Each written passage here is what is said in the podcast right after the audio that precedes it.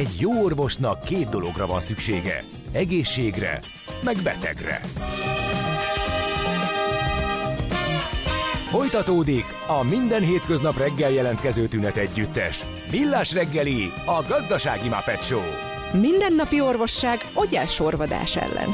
Kérdezze meg orvosát, gyógyszerészét. A Millás reggeli főtámogatója a Schiller Flotta Kft. Schiller Flotta is rendtakár. A mobilitási megoldások szakértője a Schiller Autó tagja. Autók szeretettel.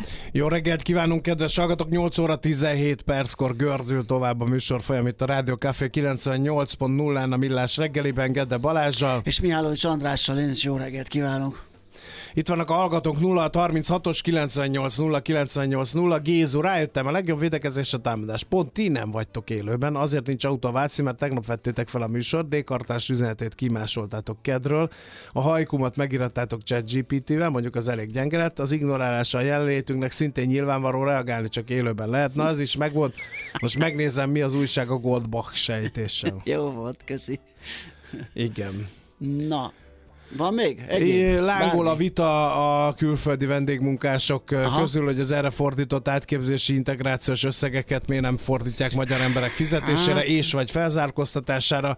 Zsuzsinak üzenem, sok közmunkás írni, olvasni sem tud, azokat lehetetlen betanítani bármire is, akkor már inkább más megoldás, és most itt rádió képessé tettem a hallgató üzenetét azt mondja, hogy nem adok munkát én sem annak, aki a gépre kifüggesztett munkavédelmi előírást, munkafolyamati utasítást nem tudja elolvasni, utána a nevét aláírni a jelenléti ívre. Hát igen, ez szomorú, de vannak még ilyenek elég nagy számban. Isteni a mai zenei válogatást, még csak kettő számot hallottunk, de végig táncoltuk mindkettőt a gyerekekkel. Kiváló. Hát uh, azért így két szám Na, után ne vonjunk le következtetéseket. Nagyon sok van benne, úgyhogy tessék csak nyugodtan ilyeneket mondani. DJ Selector. De, de milyen DJ? DJ Gida. Na, de viszont megyünk tovább, mert nagyon sok dolgunk van, két háborút is uh, dételni kell, megnézzük, hogy mi a helyzet az orosz-ukrán fronton, és megnézzük, hogy az Izrael-Hamas uh, hadviselés hogyan áll. Dr. Felidi Boton külpolitikai szakértő lesz a segítségünkre. Szia, jó reggelt! Sziasztok, jó reggelt! Ha nem lennék kortárs hadvezér, se az ukrán hadszintéren, se az izraeli palesztinen, hol, hol mert hogy, de egyébként máshol se, Aha. mert amikor azt mondják, hogy jó, akkor ezt hogy lehetne feloldani azt a padhelyzetet a másik, vagy mind a két félnél, akkor nehéz erre exakt szakmai Igen. katonai választ adni, mert ugye az ukránok fennakadtak a jelek szerint egy mélységi tagolt orosz védelmen, az oroszoknak meg nincs erejük ellen támadni, mert hogy azért És egyre kevesebb a, van. Egy, egyre kevesebb van. Gázában meg hát imádom, amikor az Európai Unió felszólítja az izraelieket, hogy megértjük, hogy vissza akartok vágni a Hamasnak, de a jogszabályok maximális betartásával tegyétek mindezt. Hát ez marha jó. Menjünk akkor az ukrán frontra, Boton. Tényleg helyzet van ott? Mert ugye nagy tavaszi ellentámadást ígértek, most jön az őszi esőzés, amár már a Wehrmachtot is szépen megakasztotta, tehát úgy tűnik, hogy most jövő tavaszig, mint hogyha befagyott volna az a hadszintér. Na hát pont jókor teszitek föl a kérdést, mert tegnap eh, jelentek meg különböző interjúk is, meg egy tanulmány is az ukrán vezérkari főnökkel az Economistban, eh, Zsalusznéjjal, eh, ugyanis hát ő maga szerintem talán az egyik legrealistább megszólalást adta most az elmúlt nem is hetekben, hanem hónapokban, elmondva, hogy igen, tulajdonképpen a maga a lövészárok harc az tényleg sokkal inkább hasonlít az összes korábbi lövészárok harchoz, tehát hogy itt nincsenek a meglepetések, és a technikai innovációk egyszerűen ami annak idején e, volt az, hogy egy e, első világháború fölé felengedtünk egy régi megfigyelő gömböt, vagy valami e, első repülőgépet, most pedig egyszerűen ott tartunk, hogy mind a két szép mind tökéletesen lát a drónokkal, és aki azonnal megmozdul egy picivel több, mint egy brigád ott az erdő mélyén, azt rögtön látják, rögtön szétlövik. És tulajdonképpen ez történik. Tehát amikor az oroszok most ellentámadásban lendültek az egyik részen, akkor az első négy órában több mint 150 harceszközt veszítettek el, mert az ukránok azonnal szét tudták lőni, tehát ez tényleg egy védekező álló háborúvá alakult át magán a szárazföldi fronton. De talán az az izgalmas, hogy a Fekete-tengeri fronton viszont az ukránok kifejezetten sikeresen haladtak, tehát lényegében Eh, Novorossziszba, az egyik legkeleti fekete-tengeri orosz kikötőbe szorítottak vissza rengeteg eh, értékes orosz hadihajót, mert a tengeri vízi drónjaik annyira hatékonyak, olcsók, épp maguk gyártják, hogy, hogy ez működik. Tehát oda, oda mégiscsak el tudták űzni az orosz flotta egy részét. És hát zajlik a levegőben is a nagy hatótávolságú küzdelem, ugye megkapták Amerikától ezeket az eszközöket, és ezekkel pedig ugyanúgy tudnak logisztikai bázisokat támadni. Ezt mondták viszont az ukrán valamelyik hadvezér értékelve az egész helyzetet, hogy a korszerű légierő nélkül nem is nagyon fog változni ez a helyzet. Kell változni Igen, ennek a helyzetnek szerinted ahhoz, hogy itt valamiféle lezárása legyen ennek a konfliktusnak? Ugye egy ilyen konfliktus, és tulajdonképpen ez a válasz az első kérdésetekre Gázától Ukrajnáig hogy a politikai célokat ugye egyértelműen meg kellene határozni tulajdonképpen a zero day-en, hogy az lesz a vége, ha. Eh, és ugye ez az, ami, ami a különböző részvevőknél, illetve a részvevőket támogató külföldi partnereknél eh, nem egyértelmű. Most a Kínától az usa. Tehát ez az, ami, ami vagy egyértelmű, de nem mutat átfedést. Tehát ilyen szempontból van nehéz dolgunk, mert hogy az ukránoknak is nyilván az volt a céljuk, hogy nyáron a Krímfélszigetig eljussanak, ez messze nem jött össze, e, ehhez képest egy darabig még el tudnak vívni egy háborút, de láthatólag az oroszokat a 21. században ugyanúgy nem zavarják az emberi veszteségek, mint a 20 e, Tehát nem tudom hány olyan ország van, ahol 150 ezer potenciális harctéri veszteség után e, még mindig boldogan menetel tovább a rezsim de Oroszország ide tartozik. Tehát e- ezekkel meg szintén külön-külön kell számolni. És akkor ez rávilágít biztos, egy másik hogy... problémára, hogy ez egy anyag és e, Aha. húsdaráló, e, és ebbe csak a számokat nézve nem állnak jól az ukránok, nem állhatnak jól az ukránok. Így van, tehát a hosszú táv, hogy elnyúló háború az nem Ukrajna érdeke, ezt így is mondhatjuk, és egyébként azért jön egy elnökválasztás az Egyesült Államokban, ugye tegnap éjjel szavazták meg az új házelnök, ugye emlékszünk itt, elég csúnyán megbukott az előző republikánus házelnök, és az új az rögtön azzal kezdett, hogy az izrael és az ukrán támogatási csomagot szét kell választani.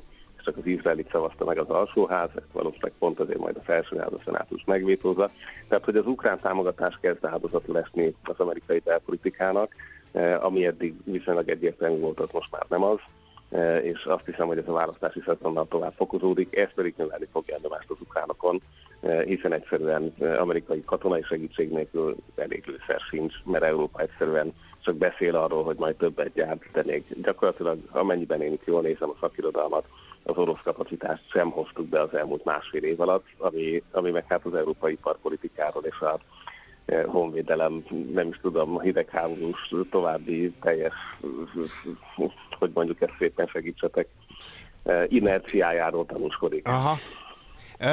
Na de ha ez így marad, az az oroszoknak jó. Mert Putyin el tudja adni a saját választóinak, hogy kérem szépen kicsiptünk eh, egy jó nagy darabot Ukrajnából, nácitlanítottuk az országot, minden király, el lehet látni a Krimfélszigetet szárazföldi úton, és akkor így minden rendben van.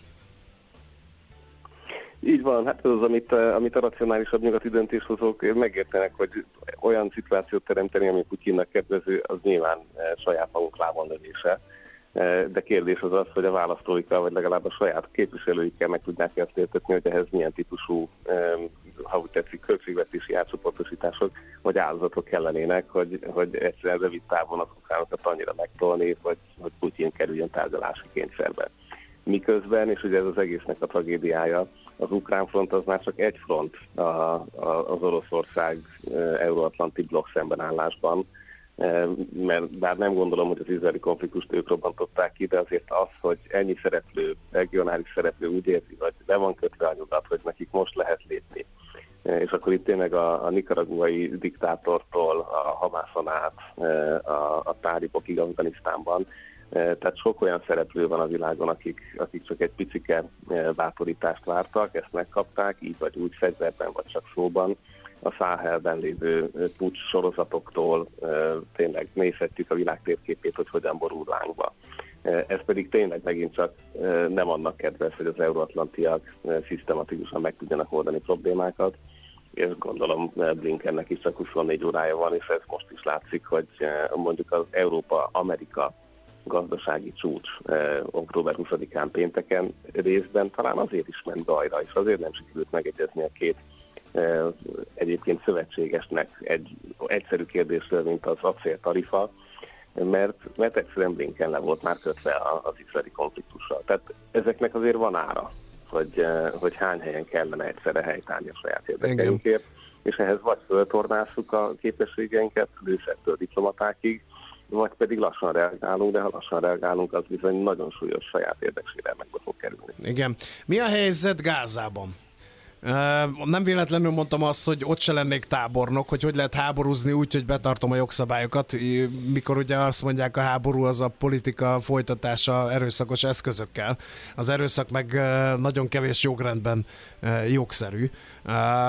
És ott házról házra kéne hát járni. a városi hadviselés ugye precíziós csapásokkal, igen, igen hát precíziós azért... csapásokkal sem lehet operálni, mert mit ad Isten a Hamas főhadiszállása fölött egy kórház van, oda bemenni, emberáldozatokkal jár, akkor ahhoz mit szól az izraeli közvélemény, mit szólnak az arab országok, ha vártnál nagyobb civil veszteségeket szenvednek a konfliktusban a palesztinok, szóval hát nem tudom. Igen, jó kérdés, hogy hol kezdjük. Ugye eleve a Hamász számolja a veszteségeket, az a Hamász, aki az egész terrortámadást elindította. Uh-huh. Ugye ez szerint a számlálójuk szerint egyébként 9000 átlépte tegnap a gázai áldozatok száma miközben a Hezbollah vezére egyébként ma fog nagy beszédet tartani, tehát kiterül, hogy a második fronttal történik-e valami, ez ugye az észak-izraeli, libanoni eh, határon eddigi zajló összecsapások lesznek-e intenzívebbek. Ugye ezért is ma reggelre kerítették be magát Gáza várost, eh, de ez egy nagyon-nagyon lassú, tényleg precíziós műveletnek tűnik kívülről, tehát egy klasszikus moszuli csatát látunk, ahol egy reguláris hadsereg terrorista e, csoportokat próbál egy urbán környezetben, egy városi környezetben kifüstölni. Tehát ez egy lassú, körülményes eljárás, e, a civilek nyilván nem tudtak mind elmenekülni innen, és innentől kezdve lesznek, lesznek civil áldozatok, ezt viszont a Hamász nem fogja nekünk külön számolni, hogy tulajdonképpen itt 32 katonája esett el, és csak 12 civil, tehát mindig azt fogjuk hallani, hogy 44 áldozat van, és azok mind eh, tisztességes gázai polgárok voltak. Tehát itt teljesen Egyébként ez az izraeli eh, katona dilemmája, és hogy valaki eldobja az AKG pisztolyt, leveszi a csukját, és már palesztin civilnek néz ki. Hát és ez az egyiptomi átkelés problémája is, mert az egyiptomiak is ezt gondolják, hogy akár itt több ezer harcos is uh-huh. simán egy szemkötéssel átmegy majd valamikor a sínai félszigetre, pedig már ott is vannak elegen ilyenek. Eh, tehát innentől kezdve ez, eh, hát ez egy nagyon-nagyon nehezen feloldható eh, emberjogi kérdésé válik, hogy ezt, ezt hogyan lehet szétválasztani és Izraelbe ma reggel éppen már meg is érkezett Antoni Blinken másodszorra, hogy arról beszélgessen, hogy mi lesz Gáza után. Tehát, hogy egyszerűen mi Izrael terve azzal, hogy még ezt az északi sávot valamilyen módon fel is számolja, lakatlanná teszi, és ugye már ezek is, ahogy ti mondtátok, olyan forgatókönyvek, amik azért sok helyen e, leverik a biztosítékot. Mi a politikai next step, hol a következő lépés, miközben egyre egyértelműbb, hogy azért Netanyahu e, kormányzása se fog örökké tartani. Tehát vajon egy ellenzéki kormányváltás Izraelben mit hozna ebben a háborúban? És részben mik a ideológiai keretei ennek, részben mik azok, amiket valóban változó izraeli közvélemény kikövetel majd az ellenzéktől. Tehát egy hét alatt kétharmadról 40 50 százalék alá beesett a, a gázai művelet azonnali kivitelezését támogató izraeliek száma. Uh-huh. Tehát itt azért nagyon, nagyon gyorsan változik a belpolitikai helyzet is Izraelben, és erre biztos, hogy lesznek ellenzéki válaszok, biztos lesz felelősség, elszámoltatás, hogy hogy történhetett ez meg. Na de az izraeli politikának meg most uh, színezettől függetlenül valamit kell csinálni, tehát olyan azért Ezt így nem nehezen elképzelhető, hogy egyszer csak gondolnak egyet a, egyet a palesztinok buldozerrel áttörik a határkerítést, és válogatás nélkül izraelieket gyilkolnak, meg több százat túlszul ejtenek, tehát ezt, ezt így nehogy azt mondod, nehéz erre azt mondani, hogy na jó, akkor tárgyaljunk. Ugye itt két óriási nyomás, demokratikus nyomás nehezedik a kormányra. Az egyik, amit ti mondottuk, a Hamásszal való azonnali leszámolás, a másik viszont az egyre erősödő kampánya, az már 230 is meghaladta, szinte legutóbb, mikor néztem, 242 plusz tartottak nyilván, és hogy őket hogyan lehet hazahozni, illetve mennyire, tehát a művelet maga az mennyiben veszélyezteti az életüket. És, és ez egy nagyon komoly polgári mozgalommá alakult. Ugye először jött a üresen megterített asztal Tel Avivban, most már egy számláló az, ami működik. Tehát itt szépen lassan ez egy polgári mozgalom alakul, ami a háború ellenes izraelieket gyűjti maga köré. Ők nem azt mondják, Noam Chomsky, Chomsky szervezte. Az, hogy van ilyen. Igen. Hát, de hogy, de hogy, de hogy tehát ez, ez két politikai erő, amivel számolni kell, és Európa szerte is ezt látjuk. Ugye ebben a, a kompromisszum az az, amit az Egyesült Államok mond, hogy nem tűzszünet, hanem humanitarian pauses. Tehát, hogy humanitárius kis szünetecskék uh-huh. legyenek, amikor legalább négy szállítmányt be lehet adni a gázai lakosságnak. Úgy, hogy tegnap kiszivárgott egy nem hivatalos kormányzati alternatív tervezgetésből egy olyan leírat, ami egyébként több mint két millió gázainak a övezetből való elküldésével számol. Tehát, hogy itt tényleg minden az asztalon van, eközben pedig Cisjordániában a telepeseket továbbra is azért a, a Netanyahu féle radikális elemek a kormányban bátorítják, és elképesztő erőszak indult be, korábbinál nem látott mértékben jóval nagyobb, tehát halálos áldozatokat naponta követelő erőszak hullám. Egy, utolsó, egy utolsó kérdés, Botont, hogy az eszkalációnak bármilyen irányban való ö, elfajulása a konfliktusnak még az asztalon van? Ukrajnában, meg a hát közel-keleten? Hát ugye egyrészt meglátjuk ma a Hezbollah vezérnek a, a szavait, másrészt egyértelműen nőttek az Irán által koordinált e, Szíriában amerikai célpontok ellen elkövetett Aha. támadások, tehát növelik az amerikaiak párszázatot ottani jelenlétüket, amellett, hogy e, a két repülőgép hordozó megérkezett a, a közel-keleti térségben.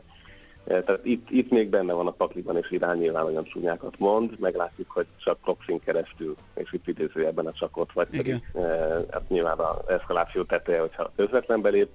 E, Ukrajnában inkább arra kell számítanunk, hogy, hogy beáll a frontháború és az alternatív frontok, tehát a, a kiber, a Fekete-tenger, a gabona, az ételdiplomácia, a műtrágya zsarolások, ezek fognak tovább menni. Eh, és hát az egészben meglátjuk, hogy Xi Jinping eh, maga még valamit begyújt-e valahol, és most nem Tajvanra gondolok, hanem azért látjuk, hogy itt a, a ritka földfém exportok korlátozásától kezdve eh, egész izgalmas kereskedelmi háborús eszkalációkat látunk az elmúlt időszakban, úgy, hogy egy hét alatt három miniszterét kirúgta.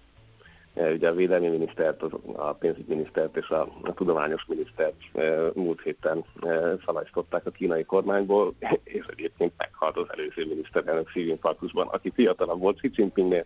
Tehát a helyzet az, az bárhol sajnos így be tud lopni, mert egyszerűen annyi helyen van szerintem törött, hogy mondjuk ezt, hmm, hát a döntéshozatali láncok nem éppen épek, és az nem segíti az ilyen helyzeteket.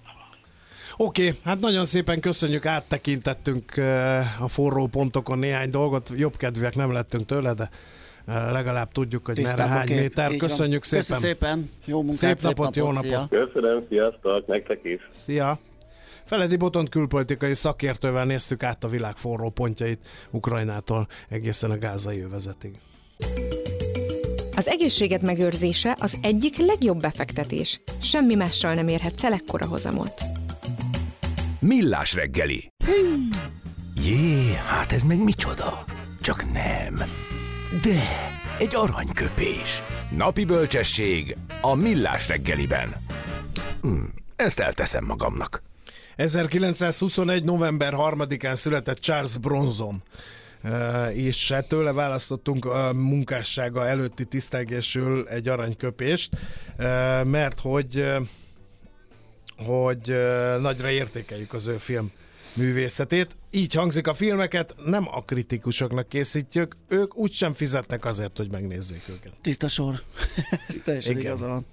Igen, egyébként van egy összeállítás arról, a neten találta a szerkesztő úr, hogy melyek a Charles Bronson legjobb filmjei, és hát... Tíz legjobb film, ami nyilván szubjektív, mert mindenkinek más tíz Ezt én nagyon bírom, amikor valaki van. elhatározza, hogy akkor majd most ő megmondja, melyik a legjobb Charles Bronson film, azon lehet jókat vitatkozni, de hát nem is az.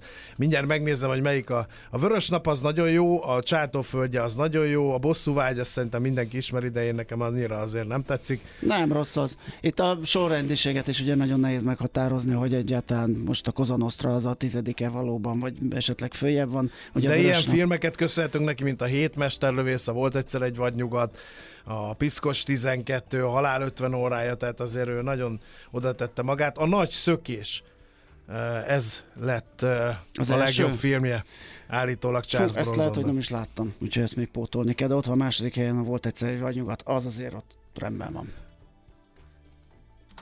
Milyen legyen a jövő? Az oké, okay, hogy zöld, de mennyire? Totál zöld? Maxi zöld? Fantasztikusan zöld? Hát semmiképpen sem szürke, még 50 árnyalatban sem. Superzöld, a millás reggeli környezetvédelemmel és természettel foglalkozó rovata következik.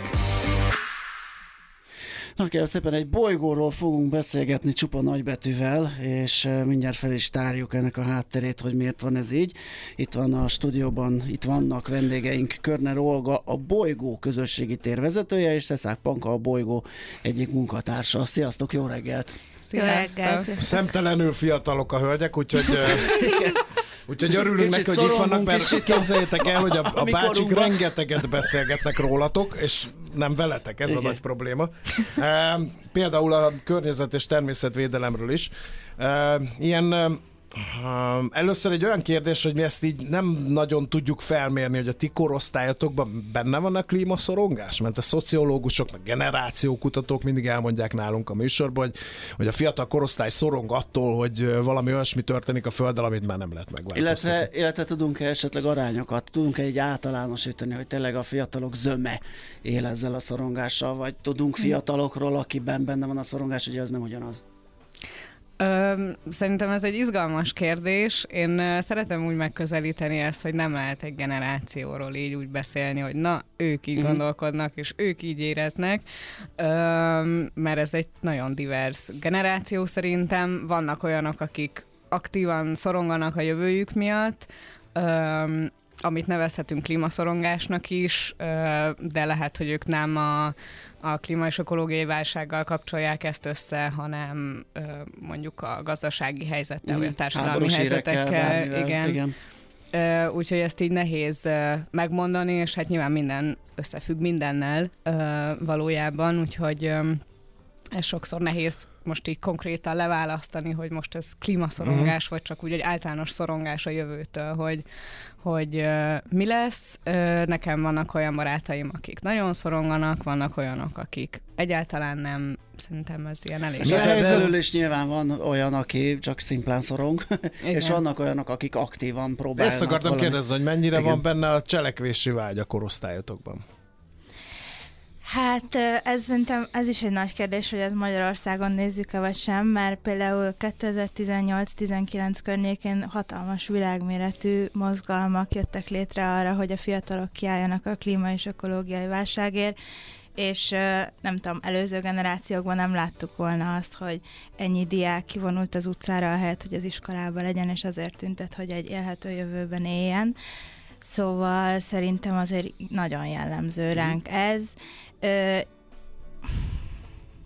Hát az, hogy, hogy mi, még, mi még fiatalok minden... vagyunk, Igen. és nem vagyunk döntéshozói pozícióban, szóval a cselekvési vágy az nagyban függ attól is, hogy mik azok a helyszínek, vagy terek, ahol azt érezzük, ahol hogy van lehetőségünk. Igen. Aha, világos. Um, ahhoz képest, hogy mindenki rólatok szól a gazdaságban, hogy ti majd aztán máshogy, és például azért változnak meg a banki termékek, mert hogy a fiatalok már odafigyelnek arra, hogy a bankok milyen cégeket hiteleznek, hogy ez legyen lehetőleg fenntartató módon működő társaság. Tehát rátok hivatkoznak, és nem vagytok bevonva a döntéshozatalba? Hát, Most nem a bankokat értem, ne. hanem úgy általában véve. Tehát, hogy van-e olyan fórum a fiatalok, akik a klíma ügyekben mondjuk hallathatják a hangukat? Nem mentetek el például egy zöld szervezethez, hogy legyen Greenpeace ifjúsági tagozat? Most hasalok valami hülyeséget.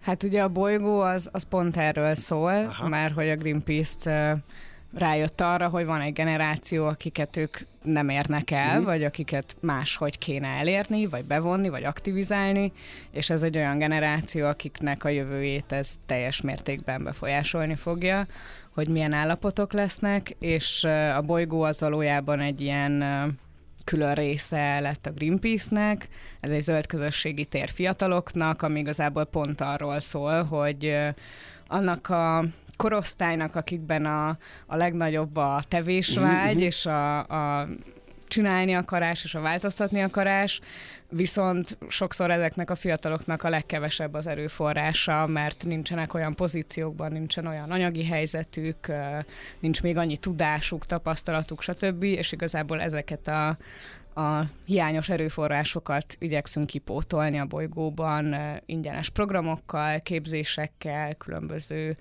erőforrásokkal, amiket tudunk nekik adni. Fizikailag mi a bolygó? Egy hely, egy, egy hely. közösségi tér, ahova nem inni járnak a fiatalok, Aha. hanem szóval nem kikapcsolódni, hanem Azt előtte vagy utána, igen. És hát ez egy nagy tér, van egy barkács műhelyünk, meg egy podcast műhelyünk, ahol a podcast műhelyben lehet videótartalmakat gyártani, és rádióműsort, ehhez is tudunk adni eszközöket, meg képzést, hogy a fiatalok Készülnek is ilyenek, vagy csak van rá lehetőség? Igen, Igen, például a Kihalni veszélyes podcast, ezt humán ökológia egyetemi hallgatók kezdték el csinálni, és ők nálunk szoktak felvenni például adásokat, de most fogunk csinálni, most lesz majd az első ilyen hivatalos podcast készítő képzésünk, ami egyben egy ilyen kommunikációs képzés és egy technikai képzés, hogy konkrétan az eszközöket hogyan tudják használni a fiatalok, és akkor akik elvégzik ezt a képzést, ők majd uh, tudnak nálunk adást felvenni. És platformot is adtok esetleg a megjelenéshez, vagy azt oldják meg, indítsanak saját felületeket, vagy saját csatornákon? Hát amit ajánlani tudunk nekik, az az, hogy van egy hatalmas fizikai terünk, ahova Aha. bárki, hogyha szeretne egy plakátot behozni, vagy egy matricát, vagy szórólapot, vagy akármilyen ilyen anyagot, ami őket promótálja, azt nagyon sok szeretettel várjuk, uh-huh és uh, sokszor szokták azt csinálni, hogy mondjuk ha kiraknak egy posztot arról, hogy megjelent egy adásuk, akkor minket is beteggelnek, akkor azt mi meg tudjuk osztani. Uh-huh stb. Van és mi történik? Várja, bocsánat, a, a bar, barkács műhely mellett nem menjünk el. Hát azért nincs... nincs Sörkollektor, nagyon, az készül Nagyon a nincs meg, hogy a lányok ott szegelnek egy valamit és a viccesnek barkács. tűnik ez a sörkollektor, de hogy ez egy, ez egy olyan... Uh, én is, én magam vagyok na, az. Tessék. Egy sörkollektor. Na, de nem, viccet félretér a barkács műhelyben, mi, mi történik?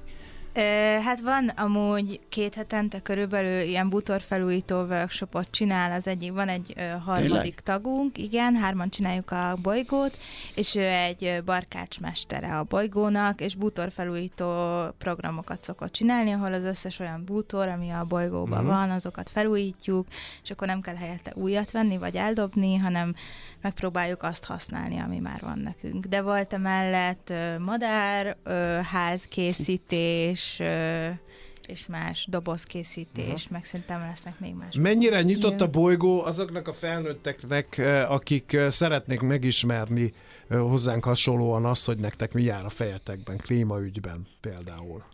Hát mindig azt szoktuk mondani, hogy alapvetően a célcsoportunk azok a, a fiatalok, tehát a gimis egyetemisták, alapvetően azt veszük figyelembe, hogy nekik mik az igényeik, és hogy milyen programokra járnának szívesen, de hogy nem állunk az ajtóba, és kérjük el valakinek a személyét, hogy hopp, akkor te már 25 fölött vagy, Igen. te már nem jöhetsz be, szóval szoktak is járni idősebb emberek a, a podcast, a, vagy bocsánat, nem podcastjainkre, hanem Igen. a programjainkra.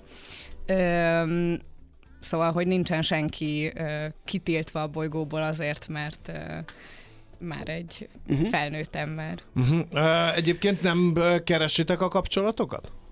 Mert azt mondjátok, hogy nagyon szerények az eszközeitek, nem mindenhova jut el a hangotok, akkor ez egy kézenfekvő megoldás lenne, hogy fogjátok magatokat, és akkor megpróbáltok eljutni oda, ahol nem mi keresünk a... meg titeket, Igen. hogy beszélgessünk veletek, hogy mit csináltok, hogy éltek, ha nem ti rúgjátok az ajtót, küldtök esetleg sajtóközleményt, vagy bekopogtattok, hogy kedves rádió, mint elmondanánk, hogy kik vagyunk, mik vagyunk, mit csinálunk, vagy épp egy adott projektet szeretnénk promotálni, lehet-e? Tehát ilyenféle aktivitás van-e esetleg nálatok? Ö, hát szerintem szeretnénk, hogy legyen. Ö, nem feltétlenül ö, fordítottunk ebbe annyi energiát egyelőre. De most adtunk egy jó ötletet. Igen, ö, és szerintem most kezdtünk el erre így jobban fókuszálni, hogy célzottan megkeresni, mint például, hogy megkerestük a Világ Budapestet uh-huh. is, és csináltak is egy tök jó cikket rólunk, uh-huh. ö, így erre jobban ráállni. Egyébként inkább így az vitte szerintem a hírünket, hogy rengeteg különböző szervezettel működtünk együtt, mm-hmm. akik jöttek hozzánk programot szervezni, és akkor azon, és akkor azon keresztül. ment a hír. Egyébként azt nem is kérdeztük, hogy mióta csináljátok, ez mióta van a bolygó? Igen, szóval februárban nyitottunk, oh. úgyhogy még nem is nagyon Hát akkor az nagyon derék ahhoz képest. Igen, igen. igen és, és amikor megkaptuk az ingatlant, akkor azért még nem volt olyan állapotban, hogy... Az mit jelent, hogy, megkaptátok? Az kitől? Vagy hogy, hogy Hát a, van ez a Margit Nagyát projekt, és akkor azon keresztül pályáztunk, és akkor így tudunk ott lenni mi a Margit negyedbe. És fel kellett újítanunk a, az ingatlant, összesen 108 önkéntes jött velünk, az hogy igen. segítsen nekünk felújítani, úgyhogy nagyon-nagyon szépen sikerült megcsinálni a teret, és szerintem ilyen februárban még úgy félkész állapotban volt, és most kezdjük belakni a teret. És hogy és tudjátok érezni, fenntartani, hogy... azt úgy kaptátok, hogy ott lehettek, és slusszpassz, vagy valami forrásokat elő kell teremteni, nem tudom, valami szerényebb bérletre, közművekre, stb. Ö, igazából úgy van, hogy ez az egész bolygó projekt, ez egy nemzetközi projektje Aha. a Greenpeace-nek és egy svéd ifjúsági szervezetnek, és összesen hat országban nyitottunk ilyen zöld közösségi tereket fiataloknak. Van egy itt Magyarországon, van Svédországban, Örményországban, és van Kenyában, Dél-Afrikában és Kamerunban, uh-huh.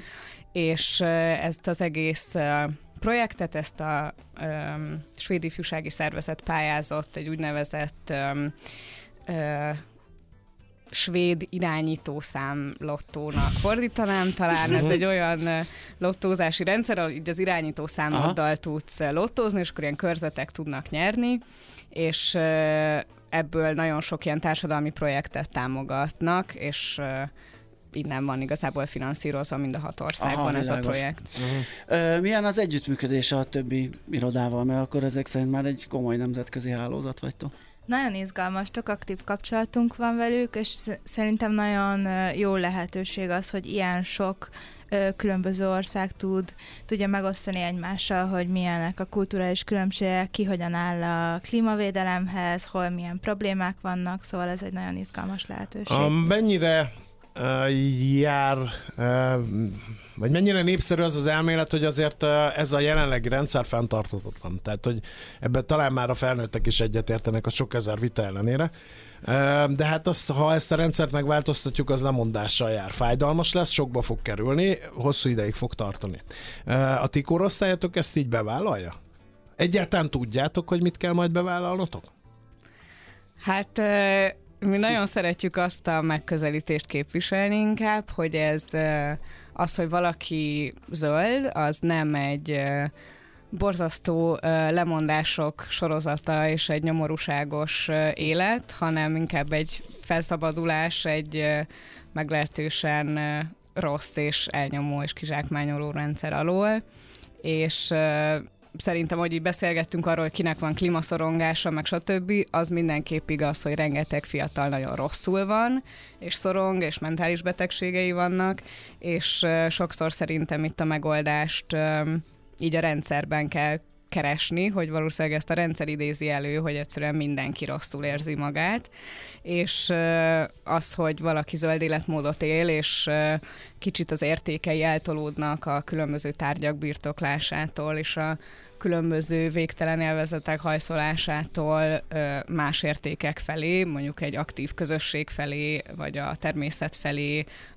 vagy egy-egy olyan tárgy felé, amiknek tényleg valóban van értéke, és mondjuk ő hozott létre, én ezt nem lemondásként élem mm. meg, hanem felszabadulásként. Én amióta környezetvédelemmel foglalkozom, azóta Ö, nem gondolom, hogy rosszabbul érezném magam, sőt, sokkal jobban érzem magam, mm. mert sokkal apróbb dolgok tudnak boldogá tenni. Optimista Na, akkor vagy egy... akkor? Ö, ilyen szempontból igen. Nyilván van egy, van egy pont, ami után valóban nem mondhatjuk azt, hogy ez nem egy lemondás, uh-huh. hogyha itt katasztrófák következnek be, és, és nem lesz étel, de, meg víz, de... Mit szóltok az, hogy nem sok minden történik? Tehát mondják, hogy meg kéne fogni a vizet, mert hogy az lesz a jövő évszázad egyik olyan nyersanyaga. Nem történik semmi. Mondják, hogy nem kéne kivágni az erdőket, azért mégiscsak a sajtó beszámol arról, hogy tarra vágnak dolgokat. Hogy nem Felső kéne hozzányúlni a vizeinkhez. Csak egy kötetet igen. meg lehetne igen, igen. De a fertőtónál nem, nem 70 centire építünk egy, vil, egy vitorlás kikötőt, 70 centis igen. vízre. Um, nem túl biztató ez így. Még mindig megy, ez a, megy a vita, épp tegnap beszéltünk róla, hogy most akkor elektromos autó, vagy nem elektromos autó, hogy annak a karbonlábnyoma milyen, hogy nem is biztos, hogy annyira zöld. Tehát, hogy, hogy valami forrong, de igazából nem tudom, hogy látjátok-e, hogy jó hmm. irányba Miközben elbukni látszik, hogy a másfél fokos Igen. Párizsi Egyezményben foglalt melegedési És mindenki 2030-ra akar karbonsemleges lenni, amikor már valószínűleg késő lesz. Ezt hova teszitek?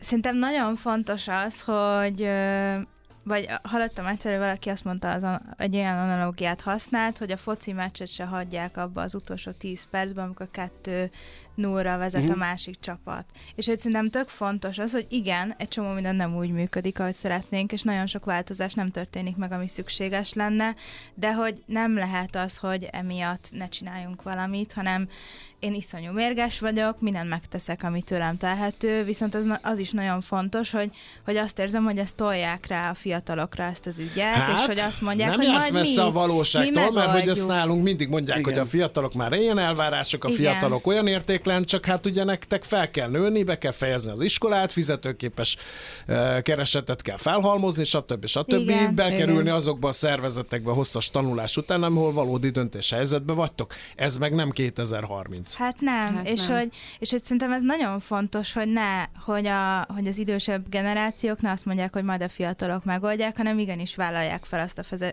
felelősséget, hogy ők munkahelyen dolgoznak, vezető pozícióban vannak, nem feltétlenül csak a politikusok vagy a cégvezetők, de hogyha van egy kis céged, egy kis vállalkozásod, akkor is meg tudod tenni azt, amennyit meg tudsz uh-huh. tenni. És hogy szerintem ez is nagyon fontos, hogy a környezetvédelem és az aktivizmus az nem egy olyan dolog, hogy mindenkinek ki kell magát kötözni a fához, hanem tényleg ez egy nyitott dolog. Le lehet kapcsolni a villanyt, csinálni. már tettünk valamit. Igen, ugye? és uh-huh. hogy mindenkinek Jó mindenki találja meg a saját útját ebben. Ez kiváló végszónak. Nagyon köszönöm, hogy eljöttetek hozzá. Köszönjük szépen, gyertek máskor is. munkátokhoz.